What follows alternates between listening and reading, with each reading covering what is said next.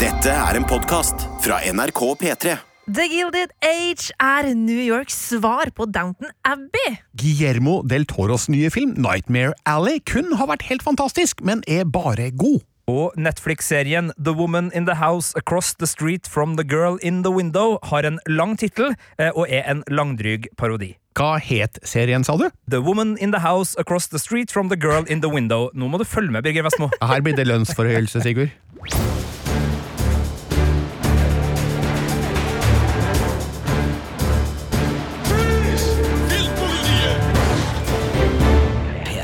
Her sitter Birger Vestmo Marte Hedenstad. Og Sigurd Vik. og skal fortelle deg om nye filmer og serier du kan kose deg med, eventuelt prøv å unngå på en skjerm nær deg. Vi skal først til The Gilded Age, og du dro inn Downton Abbey her, Marte. Hvorfor det? Det gjorde jeg fordi at dette her er den nye serien til skaperen av Downton Abbey, Julian Fellows. New York is a collection of villages. The old have been in charge since before the revolution. Until the new people invaded. Well, I'm new. I've only just arrived. You are my niece, and you belong to old New York. You are the future, Mrs. Russell. And if you are the future, then they must be the past.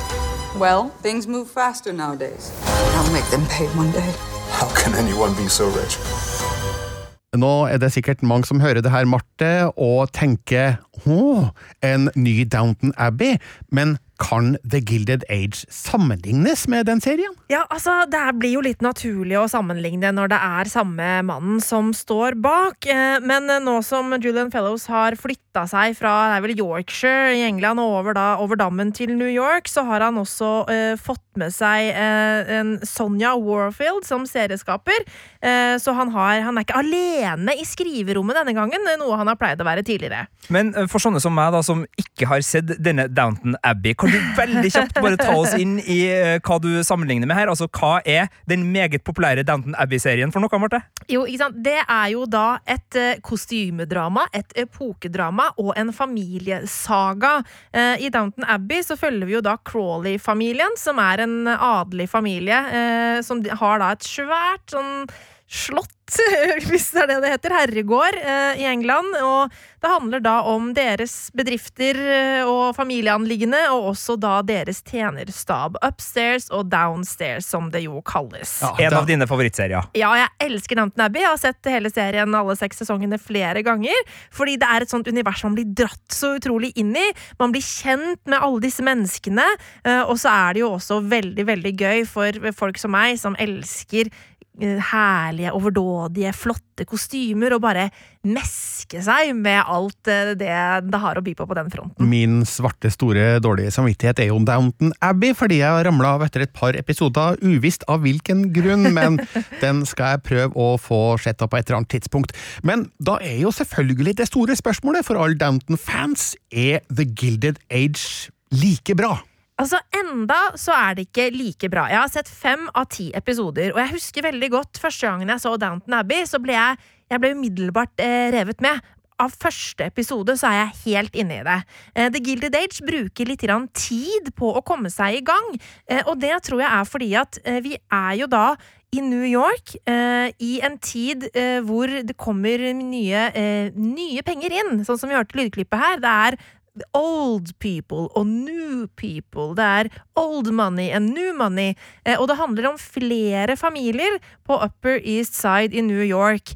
Det er egentlig veldig spennende. Det handler om eh, en tidligere middelklasse som nå har blitt eh, opp, overklasse, ikke sant? og hvordan de ikke får lov til å komme inn i sosieteten osv. Eh, men det er ganske mye som skal etableres, fordi det er så mange mennesker. Det er flere familier, det er flere husholdninger, det er flere tjenestaber, eh, og det tar rett og slett litt tid å etablere. Så derfor tar det litt tid før The Gilded Age kommer ordentlig i gang.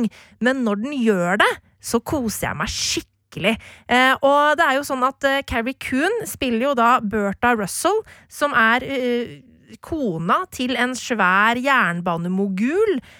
Og hun er jo da i, slak, sagt i en slengbemerkning fra på en måte en, en, hennes fiender. Eh, datter av en potetgraver. Altså Hun er liksom kommer fra en bondefamilie opprinnelig. Hun har ingenting her i Fifth Avenue å gjøre, selv om de har bygd seg et stort og overdådig palass, som for øvrig er altfor overdådig, fordi man skal jo ikke drive og flånte hvor mye penger man har. Det er jo, det er jo vulgært. ikke sant? Sånn at hun kan ikke alle disse kodene som eh, er liksom reglene i dette lille minisamfunnet på Upper East Side, uh, men vil veldig gjerne klatre på den der sosiale rangstigen. Så det er veldig mye sånn skuldre ut og albuene ut og sånn da, for å komme seg opp og frem. Så det er mye intriger. Eh, altså, For de historieinteresserte så er jo The Gilded Age en, en epoke i historien, og det her er da 1880-tallet i ja, New York, ikke det? er riktig. 1882. Hvordan, hvordan skildres det her som epoke? Og, og, jeg får jo litt sånn her, Er det Gangs of New York-aktig territorium med, med, litt sånn skumle bakgater og her lovløshet, eller er det Ikke mye skumle bakgater. Nei. Det her er i en perioden hvor altså, den industrielle revolusjonen har, har vært, den har satt seg. Eh, den har gjort at det er veldig mye middelklasse som nå har eh, blitt skikkelig rike. Eh, og stålindustrien og jernbaneindustrien er skikkelig on a big rise. Eh, børsen eh, har begynt å på en måte bli en stor greie i disse rike menneskenes liv. og det gjør at det er en sånn følelse av at vi står på en ny horisont, at det er mye som bygges ut, det er mye nytt og spennende. Vi er i en sånn brytningsfase, spesielt når det gjelder klasseskiller, ikke sant? Altså eh, dette med det nye eh, mot det gamle og så videre. Men jeg elsker jo hvordan vi får se det lille utsnittet vi får se da, av New York, eh, som skildres veldig som veldig sånn pent og nytt og fint, fordi alt er jo veldig nybygd og sånn. Eh, det som er ulempen med The Gilded Age kontra Downton Abbey, er at Eh, New York er jo en by som ser ganske annerledes ut eh, i dag enn den gjorde i 1882. Eh, sånn at her er det jo brukt en del green screen osv. for å få ting til å se ut sånn som det gjorde. Og, og det kan du se at det er green screen. sånn at det, Av og til så river det meg bitte litt ut, ut av opplevelsen, men det er bare unntaksvis. For stort sett så får vi lov til å oppholde oss inni eh, palassene og husene og rommene, eh, hvor ting er veldig tidsriktig. Men det du sier er at eh, de digitale effektene de ser ikke helt troverdige ut? Nei, altså, det er Jeg føler Og, og det er liksom, jeg er litt usikker på om Uh, ser disse gatene for fine ut fordi at det er CGI, eller er de for fine fordi at de er nye? Uh, det er litt vanskelig å sette fingeren på, men jeg merker at når vi er ute, så blir jeg ikke like revet med i universet som når vi befinner oss på innsiden av husene. Du nevnte uh, Carrie Coon her, som er en skuespiller jeg likte veldig godt, blant annet i serien Fargo, mm. hvor hun spilte en av hovedrollene i var det sesong tre, tru. Uh, er det skuespillere her som begeistrer og tar dem med inn i denne her dramaserien gjennom måten de spiller på, og som gir det her en, en, et snev av prestisje med velspillenhet? Absolutt. Altså, Carrie Coon er helt fabelaktig, og hun spiller jo da mot Morgan Spector, som er hennes ektemann og denne jernbanemogulen, da. Eh, og jeg digger samspillet de to har sammen. Eh, de er jo ekstremt ambisiøse og er villige til å gjøre veldig mye for å komme seg opp og frem, men samtidig så får de også rom til å spille på menneskene som de er, og gi dem noe mer dybde, og vi klarer å forstå dem selv om jeg ikke alltid liker dem. Eh, så det syns jeg er utrolig fint.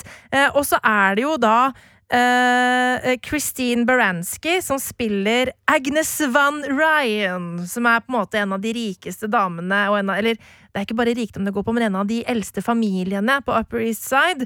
Uh, hun uh, spiller en sånn rolle som hun veldig ofte gjør.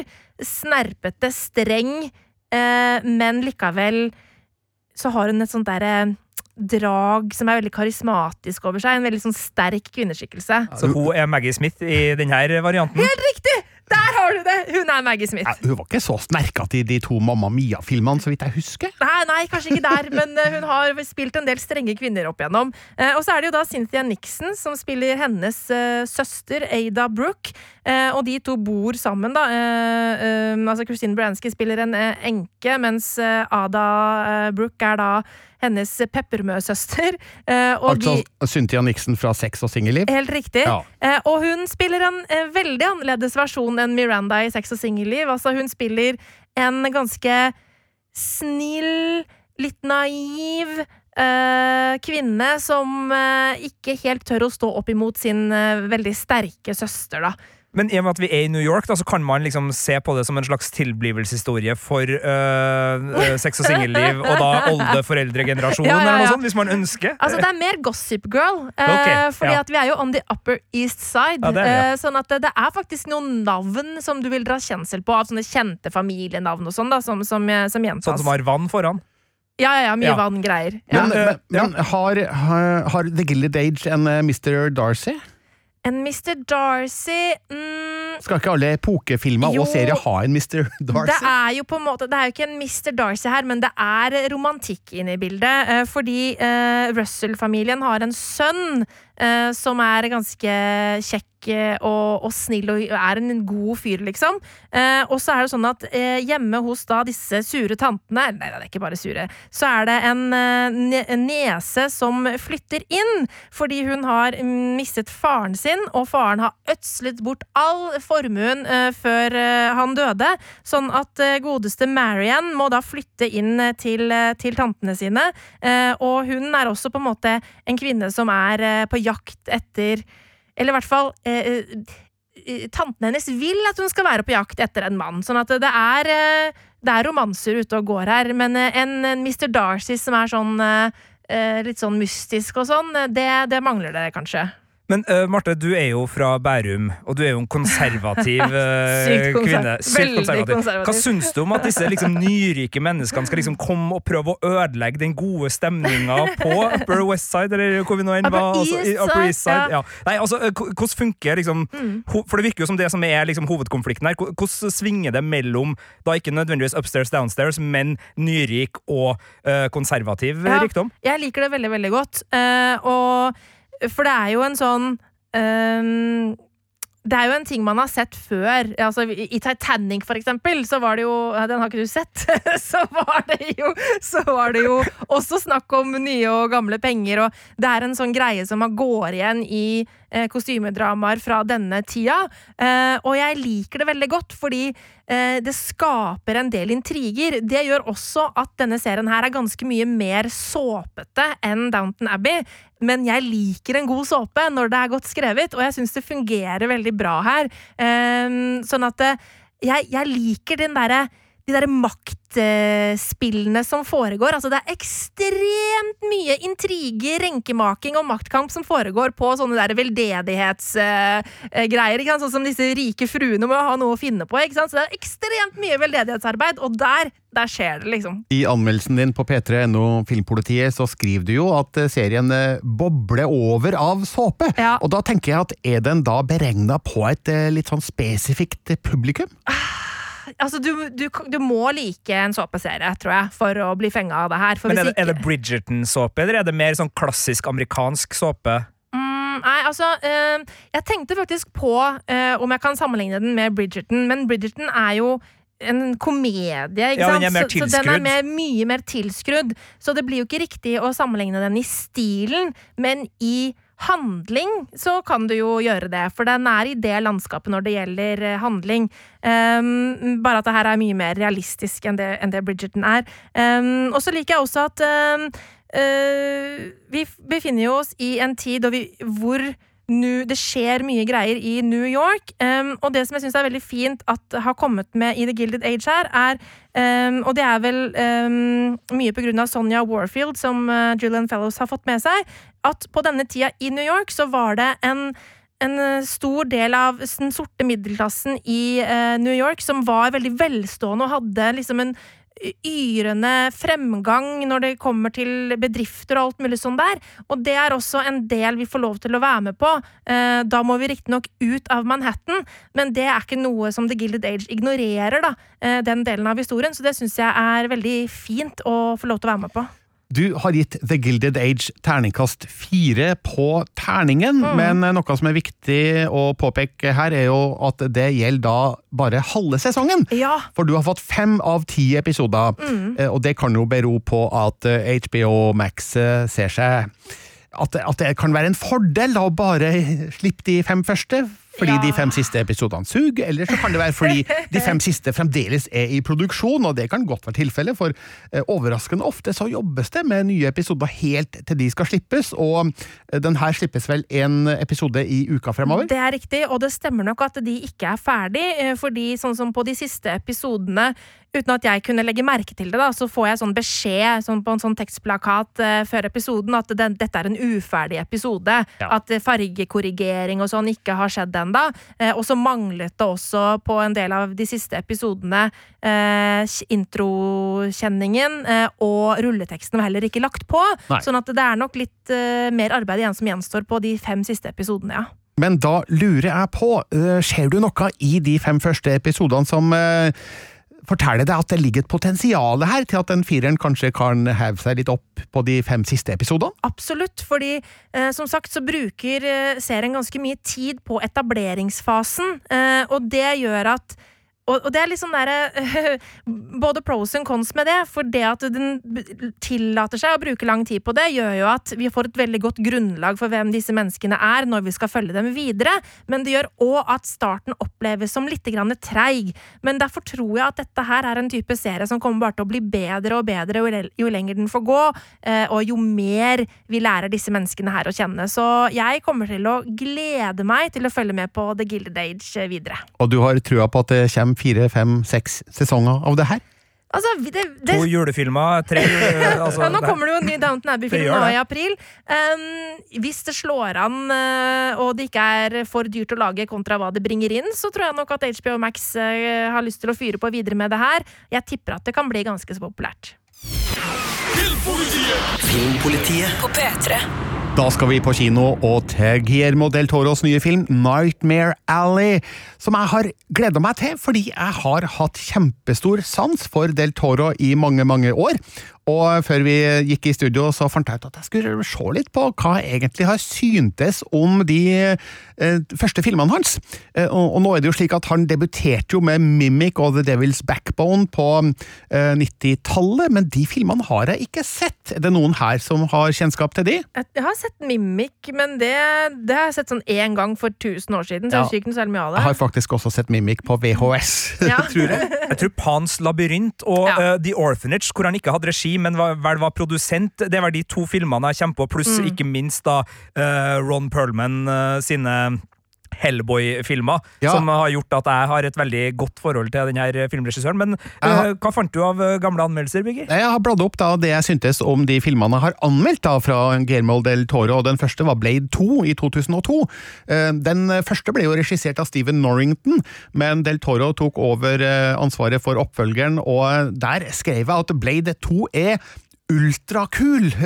Det er vel et ord jeg ikke har brukt hverken før eller siden, tror jeg, men eh, eh, jeg skriver at eh, eh, filmen er overraskende skummel, noe som må tilskrives den talentfulle regissøren Guillermo del Toro, og ga terningkast fem til den, og eh, det står jeg ved. Litt overraska over det jeg skrev om Hellboy i 2004. Eh, den fikk også terningkast eh, fem, men jeg kalte den da nesten like god som Blade 2, eh, fordi at eh, hukommelsen min nå tilsier at eh, Hellboy er kanskje et hakk bedre enn Blade 2, men nå er det kanskje lenge siden jeg har sett Blade 2. To gode filmer. Altså, jeg fikk lyst til å ha Blade-maraton, jeg nå. Ja, ikke sant. Og Hellboy-maraton. Ja, Jeg er ikke like glad i Hellboy, men det er fordi jeg elsker vampyrer. vet du, det er Ja, en sånn greie. Men jeg kalt Hellboy et herlig spetakkel satt i et kult fantasiunivers. Men så, tre år etter, i 2007, kom jo da hans mesterverk, får vi si, nemlig Pans labyrint. Der ga jeg terningkast seks. Jeg kalte den da en nær perfekt eventyrfilm for et voksent publikum, der Del Toro har skapt en fantastisk historie som er både lys og mørk, søt og stygg, morsom og tragisk. Den så jeg igjen faktisk i fjor, og gud bedre, det er en fantastisk god film. Er det andre her som elsker den? Den er helt fantastisk, og den er helt for jævlig. Altså, jeg er så redd når jeg ser den filmen. Den, altså, det rommet med, med maten eh, og fristelsene eh, Jeg bæsjer i buksa, liksom. Så redd er jeg. Men for en utrolig styggvakker film. Skikkelig skummel, visuelt enestående, og utrolig sår på en og samme tid. Så for meg så står det som Del Toros aller beste film. Hva syns du, Sigurd? Jeg er helt enig med deg. Eh, blant mange gode, eh, og det har vært mange gode, så er Pans Labyrint eh, ja, hans, så langt hans, hans store mesterverk. Ja. Allerede året etter så kom det jo en ny film, og da er vi på Hellboy 2 The Golden Army, som er av en eller annen grunn, som jeg ikke husker nå lenger, ikke anmeldt, men jeg ser den hadde premiere 22. august i 08, og det rimer vel godt med at jeg kanskje var på filmfestivalen i Haugesund, som eh, arrangeres på den tida, så Men jeg, hus jeg har sett den, men jeg anmeldte den ikke, og husker ikke helt hva jeg syntes om den, men den var sikkert veldig fin. Jeg likte også øh, den. Jeg syns jo Ron Perlman er en nydelig skuespiller. Jeg syns Hellboy er en kjempegod øh, figur, og Red Right Hand øh, har blitt brukt øh, mye, både i Skrik-filmene og i Peaky Blinders, men det er jo Hellboy som er Red Right Hand. Den måtte nesten brukes der, kanskje, ja. Eh, Og så regisserte da Del Toro ingenting de neste fem årene. Eh, Han skrev manuset til Don't Be Afraid of the Dark, men det som opptok han mest i de åra, var jo at han skulle regissere Hobbiten-filmene. Der eh, trakk han seg jo ut fordi, etter sigende, da, fordi at prosjektet trakk ut i tid, og han fikk ikke kalenderen sin til å gå opp med den lange innspillingsperioden som ble planlagt. Eh, Det er i hvert fall det som er den eh, offisielle forklaringa, eh, men han er jo da fremdeles kreditert på manusfronten til de tre filmene, og nå vet jeg, Marte, jeg ser på deg, at du er ikke en stor fan av Hobbiten-filmene. Nei, jeg hater jo de filmene. Tenk hva de kunne ha vært! Du, altså, Jeg blir så fascinert hvis han hadde hatt regi. Det må ha vært et helt annet uttrykk eh, som kanskje hadde gjort eh, de filmene hakket bedre, for å Ja, si så det du sånn. tror at eh, Del Toros Hobbiten hadde vært eh, noe helt annet enn Jacksons eh, Hobbiten? Ja, ja, ja, ja, det spørs da hvem som på en måte har mest makt eh, i den gården der. Det er, Ja. han, altså, Jackson hadde jo vært produsent eh, leil, eh, men nei, ta søren. Men Hobbiten er jo det der kremeksempelet på uh, feil film til feil tid. Altså Én ting er manuset og at det ble en trilogi, det kan jo hende at Del Toro skal ha litt av skylda Ja, for. Men den CGI-festen som Mm. aldeles ikke fenga på Ja, når var det film nummer tre kom ut spesielt? Uh, Altså, det, det var litt for tidlig å lene seg så hardt på CGI, eh, og det var litt dumt at de ikke tok vare på, på den analoge practical effects-arven de hadde etablert i den første filmtrilogien, så la oss nå ikke snakke mer om Hobbiten nå. Vi skal jo ha eh, Ringenes herre-podkaster hvor Marte skal få ventilere bra her Ja. utover, tenker jeg. Men i hvert fall så forsvant eh, Guillermo del Toro fra Hobbiten for å lage sin baby, som har sett det blitt beskrevet som da på internettet, nemlig gigantrobotfilmen Pacific Rim i 2013, som er kalt en effektfest uten like og en maktdemonstrasjon av hva som er mulig å visualisere og et veritabelt angrep på dine sanser som kroppen husker lenge etter at den vakler glad og fornøyd ut av kinosalen. Og det hørtes vel ut som et høyt terningkast, og det, ble fem. Det ble fem, ja. Ja, men det var jo en skikkelig kul uh, opplevelse. Eh, Men Ja. jeg synes jeg husker at det, altså, storyen er ganske simpel, Ja. men alt rundt er veldig stort, bokstavelig talt, og det var en veldig gøyal film. Det var det absolutt. Jeg hadde en liten dipp nedover i terningrekka med Crimson Peak i 2015. Den fikk en firer. Jeg skrev at eh, Del Toro leverer lekre grøss, men at filmen ikke har helt den historien som trengs for å understøtte utseendet. I stedet for å være et opprivende kjærlighetsdrama og spøkelseshistorie, blir det her en litt sånn tom og hul fortelling som ikke berører så mye som den burde. Er det noen store uenigheter der? Jeg turte ikke se den, jeg, for jeg var redd for at den var for skummel. Ja, det Husker den ikke? Nei, du husker den ikke. Den er ikke for skummel, Marte. okay. Så jeg tror nok at du kan eh, se den. Men for meg så var det en liten skuffelse da, etter at han hadde levert så, så mange fantastiske filmer på løpende bånd. Eh, Den siste filmen eh, før eh, Nightmare Alley var jo da The Shape of Walter, som jo vant Oscar for beste film og regi og musikk og produksjonsdesign. Og den ga et terningkast eh, fem, og kalte en deilig monsterhistorie, ulikt det meste annet du har sett av slik sjangerfilm på kino. Siden 50-tallet. Siden For den er jo 50-tallet, kliss lik alle monsterfilmene fra 50-tallet. Men jeg husker jo at eh, jeg likte filmen veldig godt, men ble litt overraska over at eh, den var så god at den skulle vinne Oscar for beste film og regi. Ja, Ja. Jeg husker jeg også var overraska over det, men nå husker jeg ikke hva det var den var up against. Ja, Det har jeg skrevet ned her. Uh, Call Me By Your Name, Darkest Hour, Dunkirk, Get Out, Ladybird, Phantom Thread, The Post og Three Billboards Outside Ebbing, Missouri. Det I var hvert fall to filmer der jeg mener at hadde fortjent Oscar over, og Call Me By Your Name med Ja, dem. enig. Den, an enig. den andre er Phantom Thread. Ja, og jeg syns også Three Billboards Outside Ok. Ebbing, Missouri Ja. er en veldig god Den er- film. den tror jeg jeg ga jeg ga jo 6. The. Post terningkast seks, da, så, Ja. så her er jo jeg på Steven Spielberg. Og jeg tror jeg ga Three Billboard terningkast seks. Ja, så, så her, ja. Så, men det var et sterkt eh, år, og Ja. eh, jeg er helt enig. Altså, The Shape of Water er en nydelig film, men det er en filmskapers film, og en eh, film som er først og fremst givende fordi den er eh, cinematisk uh, begeistrende, og den, den tar oss med inn i en verden. Altså, jeg sitter jo ikke igjen liksom, og, og, og mm, føler at det er en film som virkelig liksom, har gjort inntrykk på meg utover det rent sånn estetiske, mens eh, flere av de andre filmene i det Oscar-løpet var jo filmer som virkelig har gjort inntrykk, eh, og som, som henger ved veldig lenge. Men tar ikke noe bort fra The Shape of Water, en, en veldig fin film. Men etter å ha gått gjennom mine egne anmeldelser av Del Toros eh, filmer, så slår det meg at et fellestrekk her er at han er en fantastisk visuell historieforteller. Eh, Men det er ikke bestandig at historiene som fortelles i seg sjøl, er de aller mest spennende og sprekeste. og mm, det er nok også tilfellet for hans nye film, som nå er klar for norske kinoer, nemlig Nightmare Alley. Are you a true medium? Yes, I am. Mr. Carla. Doctor, how about that? please lay down. Can you read minds? Yes, I can. Under the right circumstances. Keep your answers brief. What do I want? To be found out, same as everybody else. Are you in contact with the beyond? Nightmare Alley er basert på en roman skrevet av William Lindsay Gresham fra 1946, og det ble faktisk laga en film av den romanen allerede året etter, med Tyrone Power i hovedrollen. Nå er det Bradley Cooper som spiller hovedrollen, og han er da en eh, litt mystisk skikkelse.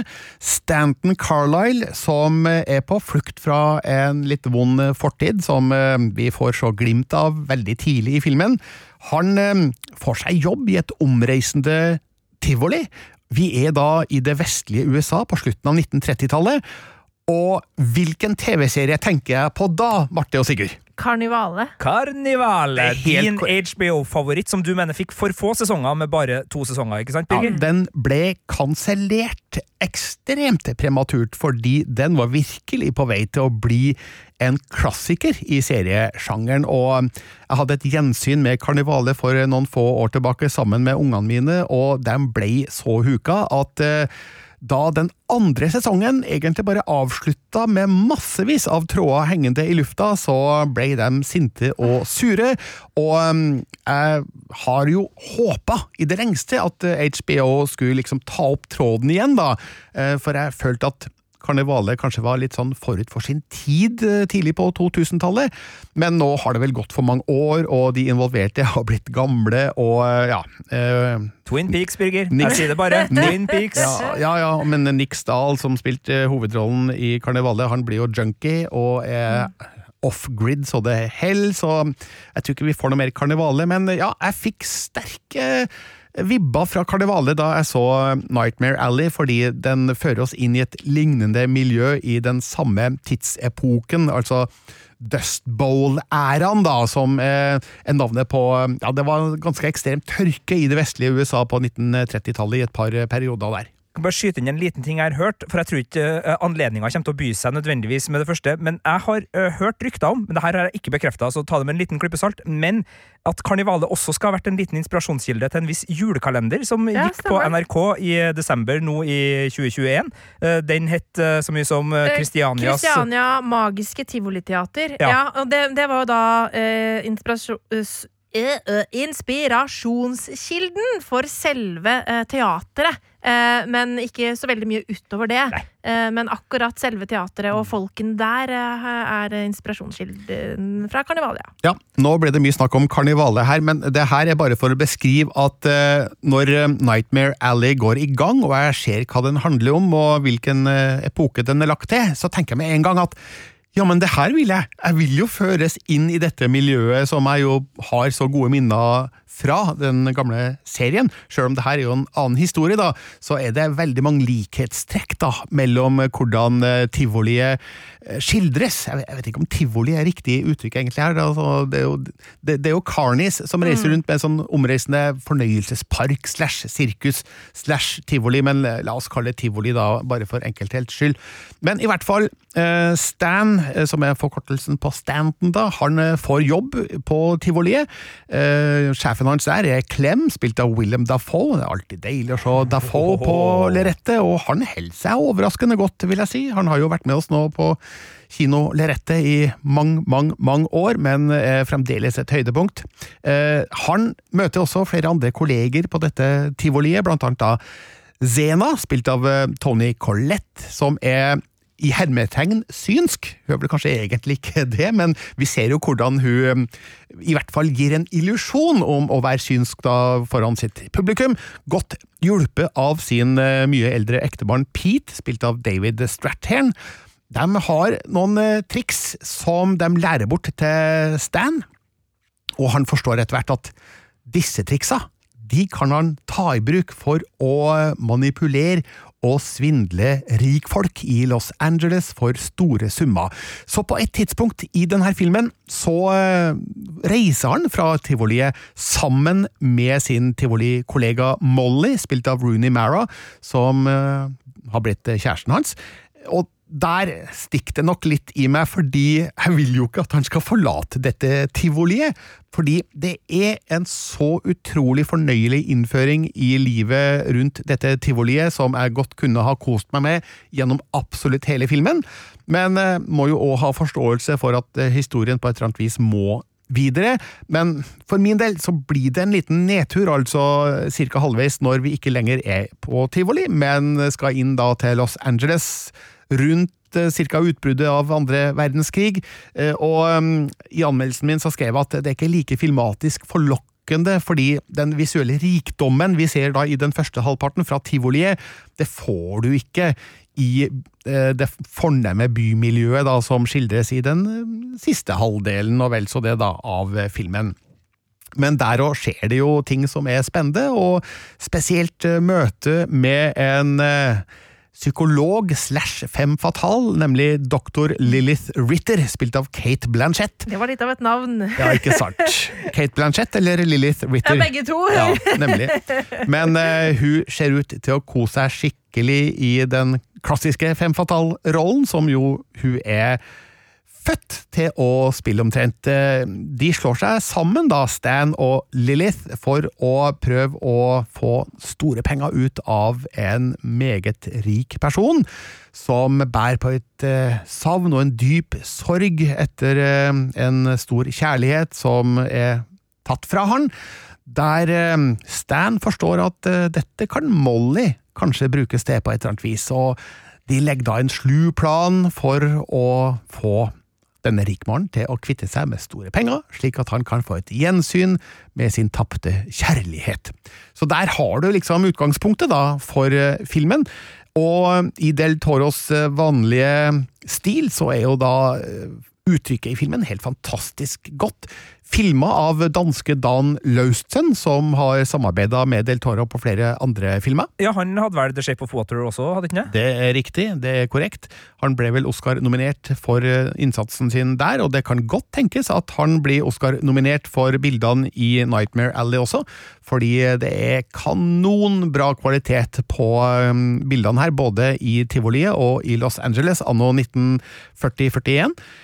Og um, det er nok eh, slik at eh, det er en spenning inne i bildet her, som bygger seg gradvis eh, oppover.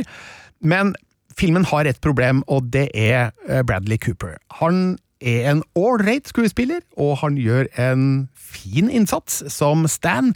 Det er bare det at jeg vet jo, det er godt kjent, at egentlig så skulle hovedrollen spilles av Leonardo DiCaprio. Oi. Og. Vi må jo innrømme at han er en mye bedre skuespiller enn veldig mange andre, inkludert Bradley Cooper. Ja, altså Bradley Cooper er en flott skuespiller, jeg digger han, men Leo er jo en annen klasse. Han er jo Det du rynker på fjeset ditt, Ja. Sigurd. Nei, jeg bare lurer på uh, at det Selvfølgelig så, så er det riktig, men det er også noe med at Bradley Cooper er en veldig god skuespiller for en del typer roller. Ja. Men han er kanskje ikke en skuespiller jeg ville ha trodd at uh, Guillermo del Toro umiddelbart skulle på en måte plukke, mens Leonardo DiCaprio er en sånn skuespiller som uh, alle uh, filmkunstnere har lyst til å gjøre sin uh, film med, og, og, og har jo mange flere lag i den der type litt mer sånn både eventyraktige og, og litt mer sånn eh, mangela, m- mangelagsrollene, som, som det høres ut som det her kanskje også da er. Mens Bradley Cooper, altså hvis du er eh, Hvis du er mm, eh, Åh, hva heter den gamle mester eh, eh, Ikke Kevin Costner, men eh, Kevin Costner er også en gammel ja, mester. eh, Kevin nå- Bacon? Nei, eh, nå, nå skulle jeg til Altså, for en neve dollar mer. Eh, Clint Eastwood. Ja. Altså, hvis du er Clint Eastwood og skal lage en, en krigsfilm, så er det jo ypperlig å ha eh, folk som Bradley Cooper, som virkelig liksom så, så, så, Eller Hangover 4. Uh, så, så jeg syns ikke vi skal disse Nei, jeg tenker Bradley Cooper. Nei, jeg du dis Nei. Det er ikke meninga å um, Nei da, jeg bare tuller med dere. Altså, jeg mener ikke å si at Bradley Cooper er en dårlig skuespiller, eller gjør en dårlig innsats i Nightmare Alley, for det gjør han ikke. Han er flink, han er fin, han er god, men det er visse mørke sider ved rollefiguren hans som eh, jeg tror en eh, ressurs som DiCaprio kanskje hadde fått frem enda sterkere. For han har en eh, litt trøblete fortid, og underveis i historien som fortelles, så får også Stanton et litt mer desperat preg over seg, som jeg tror DiCaprio ville ha fått frem i mye sterkere grad enn det Bradley Cooper gjør. Og det er vel en av grunnene til at femmeren glapp for Nightmare Alley, og havna ned på fireren eh, i stedet for. Og det har også å gjøre med at den varer i to og en halv time, og jeg er ikke sikker på at filmen behøvde å var så lenge. Det er noen elementer i historien her, og noen bifigurer som kanskje med fordel kun har vært kutta ned litt eh, for å ja, økonomisere litt med historiefortellinga og fått spilletida ned i et litt mer håndterlig format, for to og en halv time det er ganske lang tid å sitte i et sete. Men hvis man ønsker en kinoopplevelse hvor på en måte estetikken og, og eventyrfølelsen og liksom filmtekniske uh, begeistringa kommer tett og ofte, så, så er det her en Del Toro-film, eh, så vidt jeg forstår da, Birger, som, Ja. som fungerer utmerket for oss som kan ja, like en fredagskveld med en uh, nesten tre timer lang lang seanse bare henført av kinoens magi. Ja, definitivt. Altså, billeduttrykket her, og det stilistiske uttrykket, er altså da så forrykende godt at eh, hvis du kun har fokus på det visuelle, så er det her omtrent terningkast eh, seks. Men eh, du må ha en historie også som matcher, og den kommer ikke helt i mål der, men, eh, men nesten. Så jeg må jo kunne si at jeg anbefaler filmen. Eh, Den er god nok til å gå på kino og kose seg med fantastisk filmatisk eh, godteri, men eh, det er ikke den beste filmen Guillermo del Toro har laga. Eh, Det er fremdeles Pans labyrint. De som elsker hans stil, de må selvfølgelig se Nightmare Alley, som ja, jeg, jeg ga terningkast fire, og det er greit nok det, til å kaste bort litt tid, er det ikke det, Sigurd? Oi, jo, jo, jo. jo. Jeg, altså, eh, noe av min beste tidsbortkastning har skjedd med terningkast fire-filmer og serier. Filmpolitiet På P3. Nei, uh, på tide å komme seg videre. Jeg begynte å snakke meg bort her med Del Toro. Vi skal til en serie med ja, den veldig lange tittelen som jeg ikke skal prøve meg på, Sigurd. Oh, ja, du mener The Woman in the House Across the Street from the Girl in the Window? Ja, jeg mente den. Den er på Netflix, ja. Uh, hi, I'm Anna. The truth is that I drink a lot, and sometimes I mix it with pills. And I'm here because I woke up this morning convinced I'd witnessed a murder. Someone has been murdered. The Woman in the Herregud. The Woman in the House Across the Street from The Girl in the Window. Det høres ut som en sånn eh, Scary Movie-parodi. Ja, Det er en eh, Scary Movie-parodiaktig film, og når jeg sa at den er på Netflix, så er den på Netflix fra og med fredag 28. januar. Eh, og eh, det her er da en godlynt og snill parodiserie på åtte episoder, som, ja, som du hører i tittelen, først og fremst eh, tar for seg eh, thrillerfilmer som The Woman in the Window, også på Netflix, og The Girl on the Train. Og hvis man spoler den tapen lenger tilbake sånn filmmessig, så kommer man jo til Alfred Hitchcocks eh, The Rear Window, eller Vindu mot bakgården, som er bautaen innenfor sjangeren. Eh, person er hjemme, eh, ser ut av sitt stuevindu, tror eh, vedkommende ser et eh, mord, men hvordan bevise det, osv., osv. Og og ja, er, det her en sjanger dere er glad i og, og, og føler at dere trenger en parodi på, eller er, har den blitt sin egen parodi allerede, sånn at den kanskje ikke trenger en ekstra serieparodi?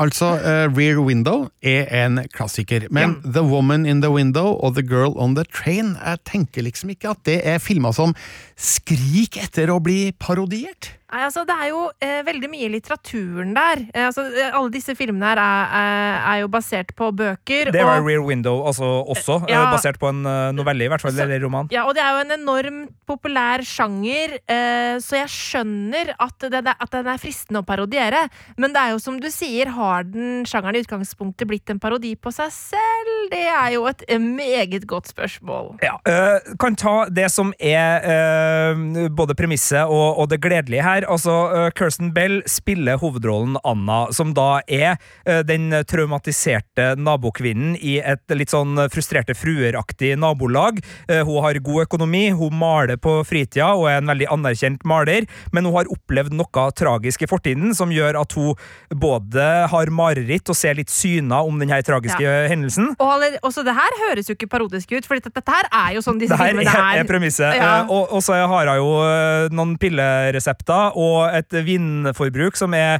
eh, enormt. Også tråd Eh, med ja. Og eh, hun blir da veldig opptatt av naboene sine. Alt det er, alt det her er, er helt i sjanger. Eh, og så er det jo da sånn at uh, det her blir presentert i åtte episoder.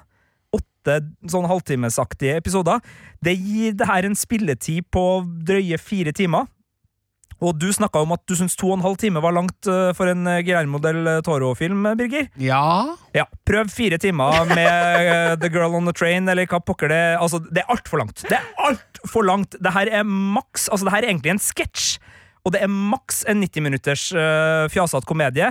Det er ikke nok uh, drivkraft her til å drive åtte episoder. Så bare Så er dere advart. Men og det er jo her Netflix på en måte likevel har en, øh, en liten sånn mulighet for redning. da.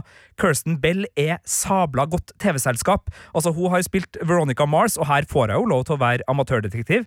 Hun har spilt i The Good Place, som er en nydelig satireserie som også ligger på Netflix, og hun får jo lov til å være morsom her.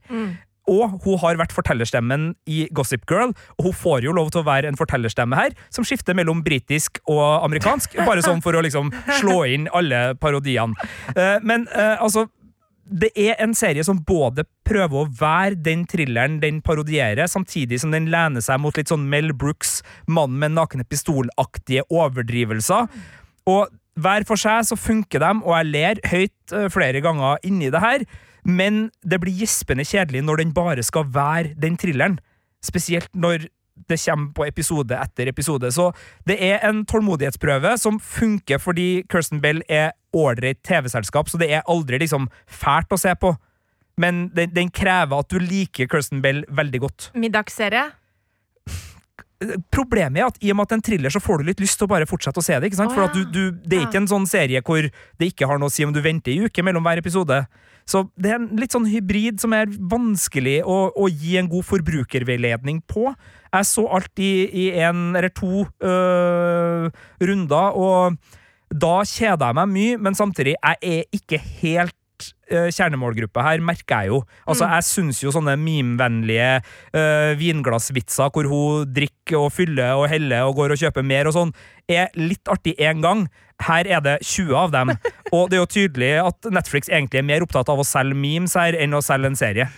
Men når du forteller om denne serien som jeg ikke har sett, da, så får jeg jo litt sånn assosiasjoner til eh, Only Murders in the Building på Disney Pluss, som jo hadde et lignende utgangspunkt, kan vi si. Altså, den, det er jo en sånn kjærlig parodi på true crime-sjangeren, og, og, om ikke den var rasende spennende, så var den underholdende, og den var morsom, og den hadde brodd, og den hadde hjertevarme. Eh, og det var absolutt godtakbart selskap for min del, men disse kvalitetene mangler i The Woman in the House Across the Street from the Girl in the Window.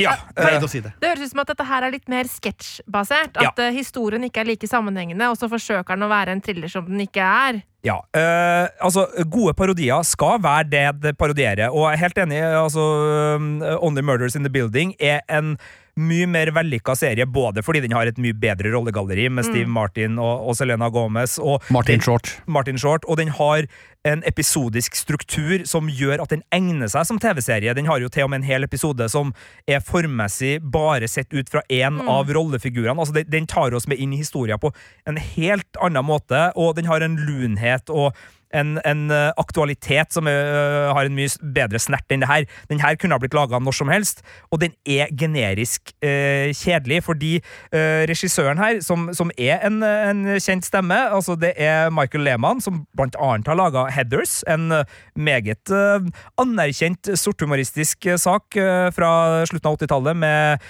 eh, Vinona Ryder og eh, eh, Christian Slater, og han laga også eh, 40, Nights, eh, 40 Days and 40 Nights, som ikke er en like anerkjent komedie. Men, men det er det der litt sånn der banale romkom-aktige eh, formspråket som, som trekker det her ned. Altså, den har så mye mindre å spille på, Birger, enn Only Murders. Only Murders er jo et eh, overflødighetshorn av eh, gleder og, og har liksom så mye Og denne har litt det der mannen med nakne pistol-greiene. Nå skal ikke jeg spoile den serien, for det, den ligger ute på Disney Plus og anbefales virkelig. Den fikk terningkast fem her i Filmpolitiet. Men der den gjør sånne top secret, mann med nakne pistol-aktige, hvor den fjaser med filmfaglige ting og, og lurer oss, og så når vi oppdager hva de holder på med, så, så flirer vi for at det er kreativt, det er originalt, det er vittig. Her så er det bare dårlige etterligninger. Altså, det er en sexscene her som er en slapp kopi av det Leslie Dinson og Priscilla Presley gjorde i Mann med nakne pistol 1 og en halv i 1988, eller når nå det var. Altså, sånn, den er bare så mye mer lat da, i, i måten den angriper der på. Delvis fordi Netflix nok tenker at her skal vi nå et veldig bredt publikum. Vi skal ha en veldig spiselig humor som alle skal forstå. Det skal ikke være noe som går over hodet på noen. Det skal være kjempelett å le, det skal være kjempelett å eh, invitere andre inn i seerprosessen. Og det er ingenting her som skal være eh, enten eh, fælt eller eh, problematisk eller eh, vanskelig. Og da blir parodien litt sånn meh. Øvelse, eh, Ja. når du ikke liksom har tenkt å gjøre noe annet med parodien enn å nikke og peke og humre underveis og si 'det er en klisjé', 'det er en klisjé', åh, det der er en klisjé! Og det er liksom der øh, den her lange tittelen havner. Eh, det er allikevel ikke sånn at den får terningkast to, som den holdt på å få. Ja, du var helt nedpå Jeg var der. nedpå der, men så tok jeg meg Altså, Kirsten Bell er for godt TV-selskap, og den har noen eh, og du snakka om true crime. Den har noen true crime-parodielement som fungerer overraskende godt, og som gjør at jeg virkelig åpna latterdøra. Så jeg, jeg, jeg likte starten. Siste episoden har en uh, gladvoldsekvens som er veldig god, uh, og den har noen latterkuler underveis, og den har Kirsten Bell. Men uh, du skal virkelig like Kirsten Bell for å tåle de her åtte episodene, altså. Og du finner det her på Netflix fra og med fredag 28. januar. The Woman in the House Across the Street from the Girl in the Window. Er det, er det en miniserie, eller skal det kanskje komme en sesong til, eller hva det tror du? dukker opp en A-kjendis helt på tampen av siste episode etter at sesongen er ferdig, som øh, åpner mulighetene for at det kan komme en oppfølger. øh, men den avsluttes, øh, og den fungerer som en miniserie, og jeg skal være helt ærlig med dere, jeg håper det her blir en miniserie og ikke en sesong én. Takk for den, Sigurd. Og med det så avrunder vi denne podkasten fra Filmpolitiet, som du hører aller først i appen NRK Radio. Har du hørt den et annet sted, så får du den da en uke etter at den ble publisert i appen NRK Radio. Så det smarte her, folkens, er å besøk appen NRK Radio. Der finner du alle NRKs podkaster én uke før de kommer andre steder. Blant annet vår andre podkast, nemlig Filmpolitiets Mandalorian-spesial. Ja, den handler da om Mandalorian-universet i Star Wars-universet, og nå for tiden så podder vi da om The Book of Boba Fett. Det gjør vi hver mandag, så hvis du er interessert i det, så er det bare å komme seg inn i appen NRK Radio for å få det med seg. Og ikke minst, hvis du har synspunkter eller kommentarer eller spørsmål rundt den nyeste episoden av The Book of Boba Fett, hva kan man gjøre da, Sigurd? Send oss gjerne en e-post til filmpolitiet alfakrøll.nrk.no, og øh, gi oss din mening, dine synspunkter, dine spørsmål, ros, ris osv. Det blir vi veldig glad for. Ja, jeg vil bare ha ris. Hvis jeg kan få det, så vil jeg bare ha ris. Ros. Nei, har ikke tida til Har ikke tida Nei, omvendt! Jeg vil bare ha ros! Nei, nei, jeg, ombestemmer meg. Bare ris til Birger. Ros til meg og Marte, takk. Jeg skjønner ikke hva jeg tenker på nå. Jeg vil jo selvfølgelig bare ha ros, ikke ris. Hør oss òg hver søndag på P3 fra klokka 12 til 15, og så finner du alle anmeldelsene våre på p3.no skråstrek filmpolitiet. Og vi som har sittet her i dag og snakka om Nightmare Alley, The Gilded Age og herregud, hjelp meg, Sigurd! Og du tenker på serien The Woman in the House Across the Street from the Girl in the Window. Det var det jeg mente. Vi heter Birger Vestmo. Marte Hedenstad. Og Sigurd Vik. Du har hørt en podkast fra NRK P3. De nyeste episodene og din favorittkanal hører du i appen NRK Radio.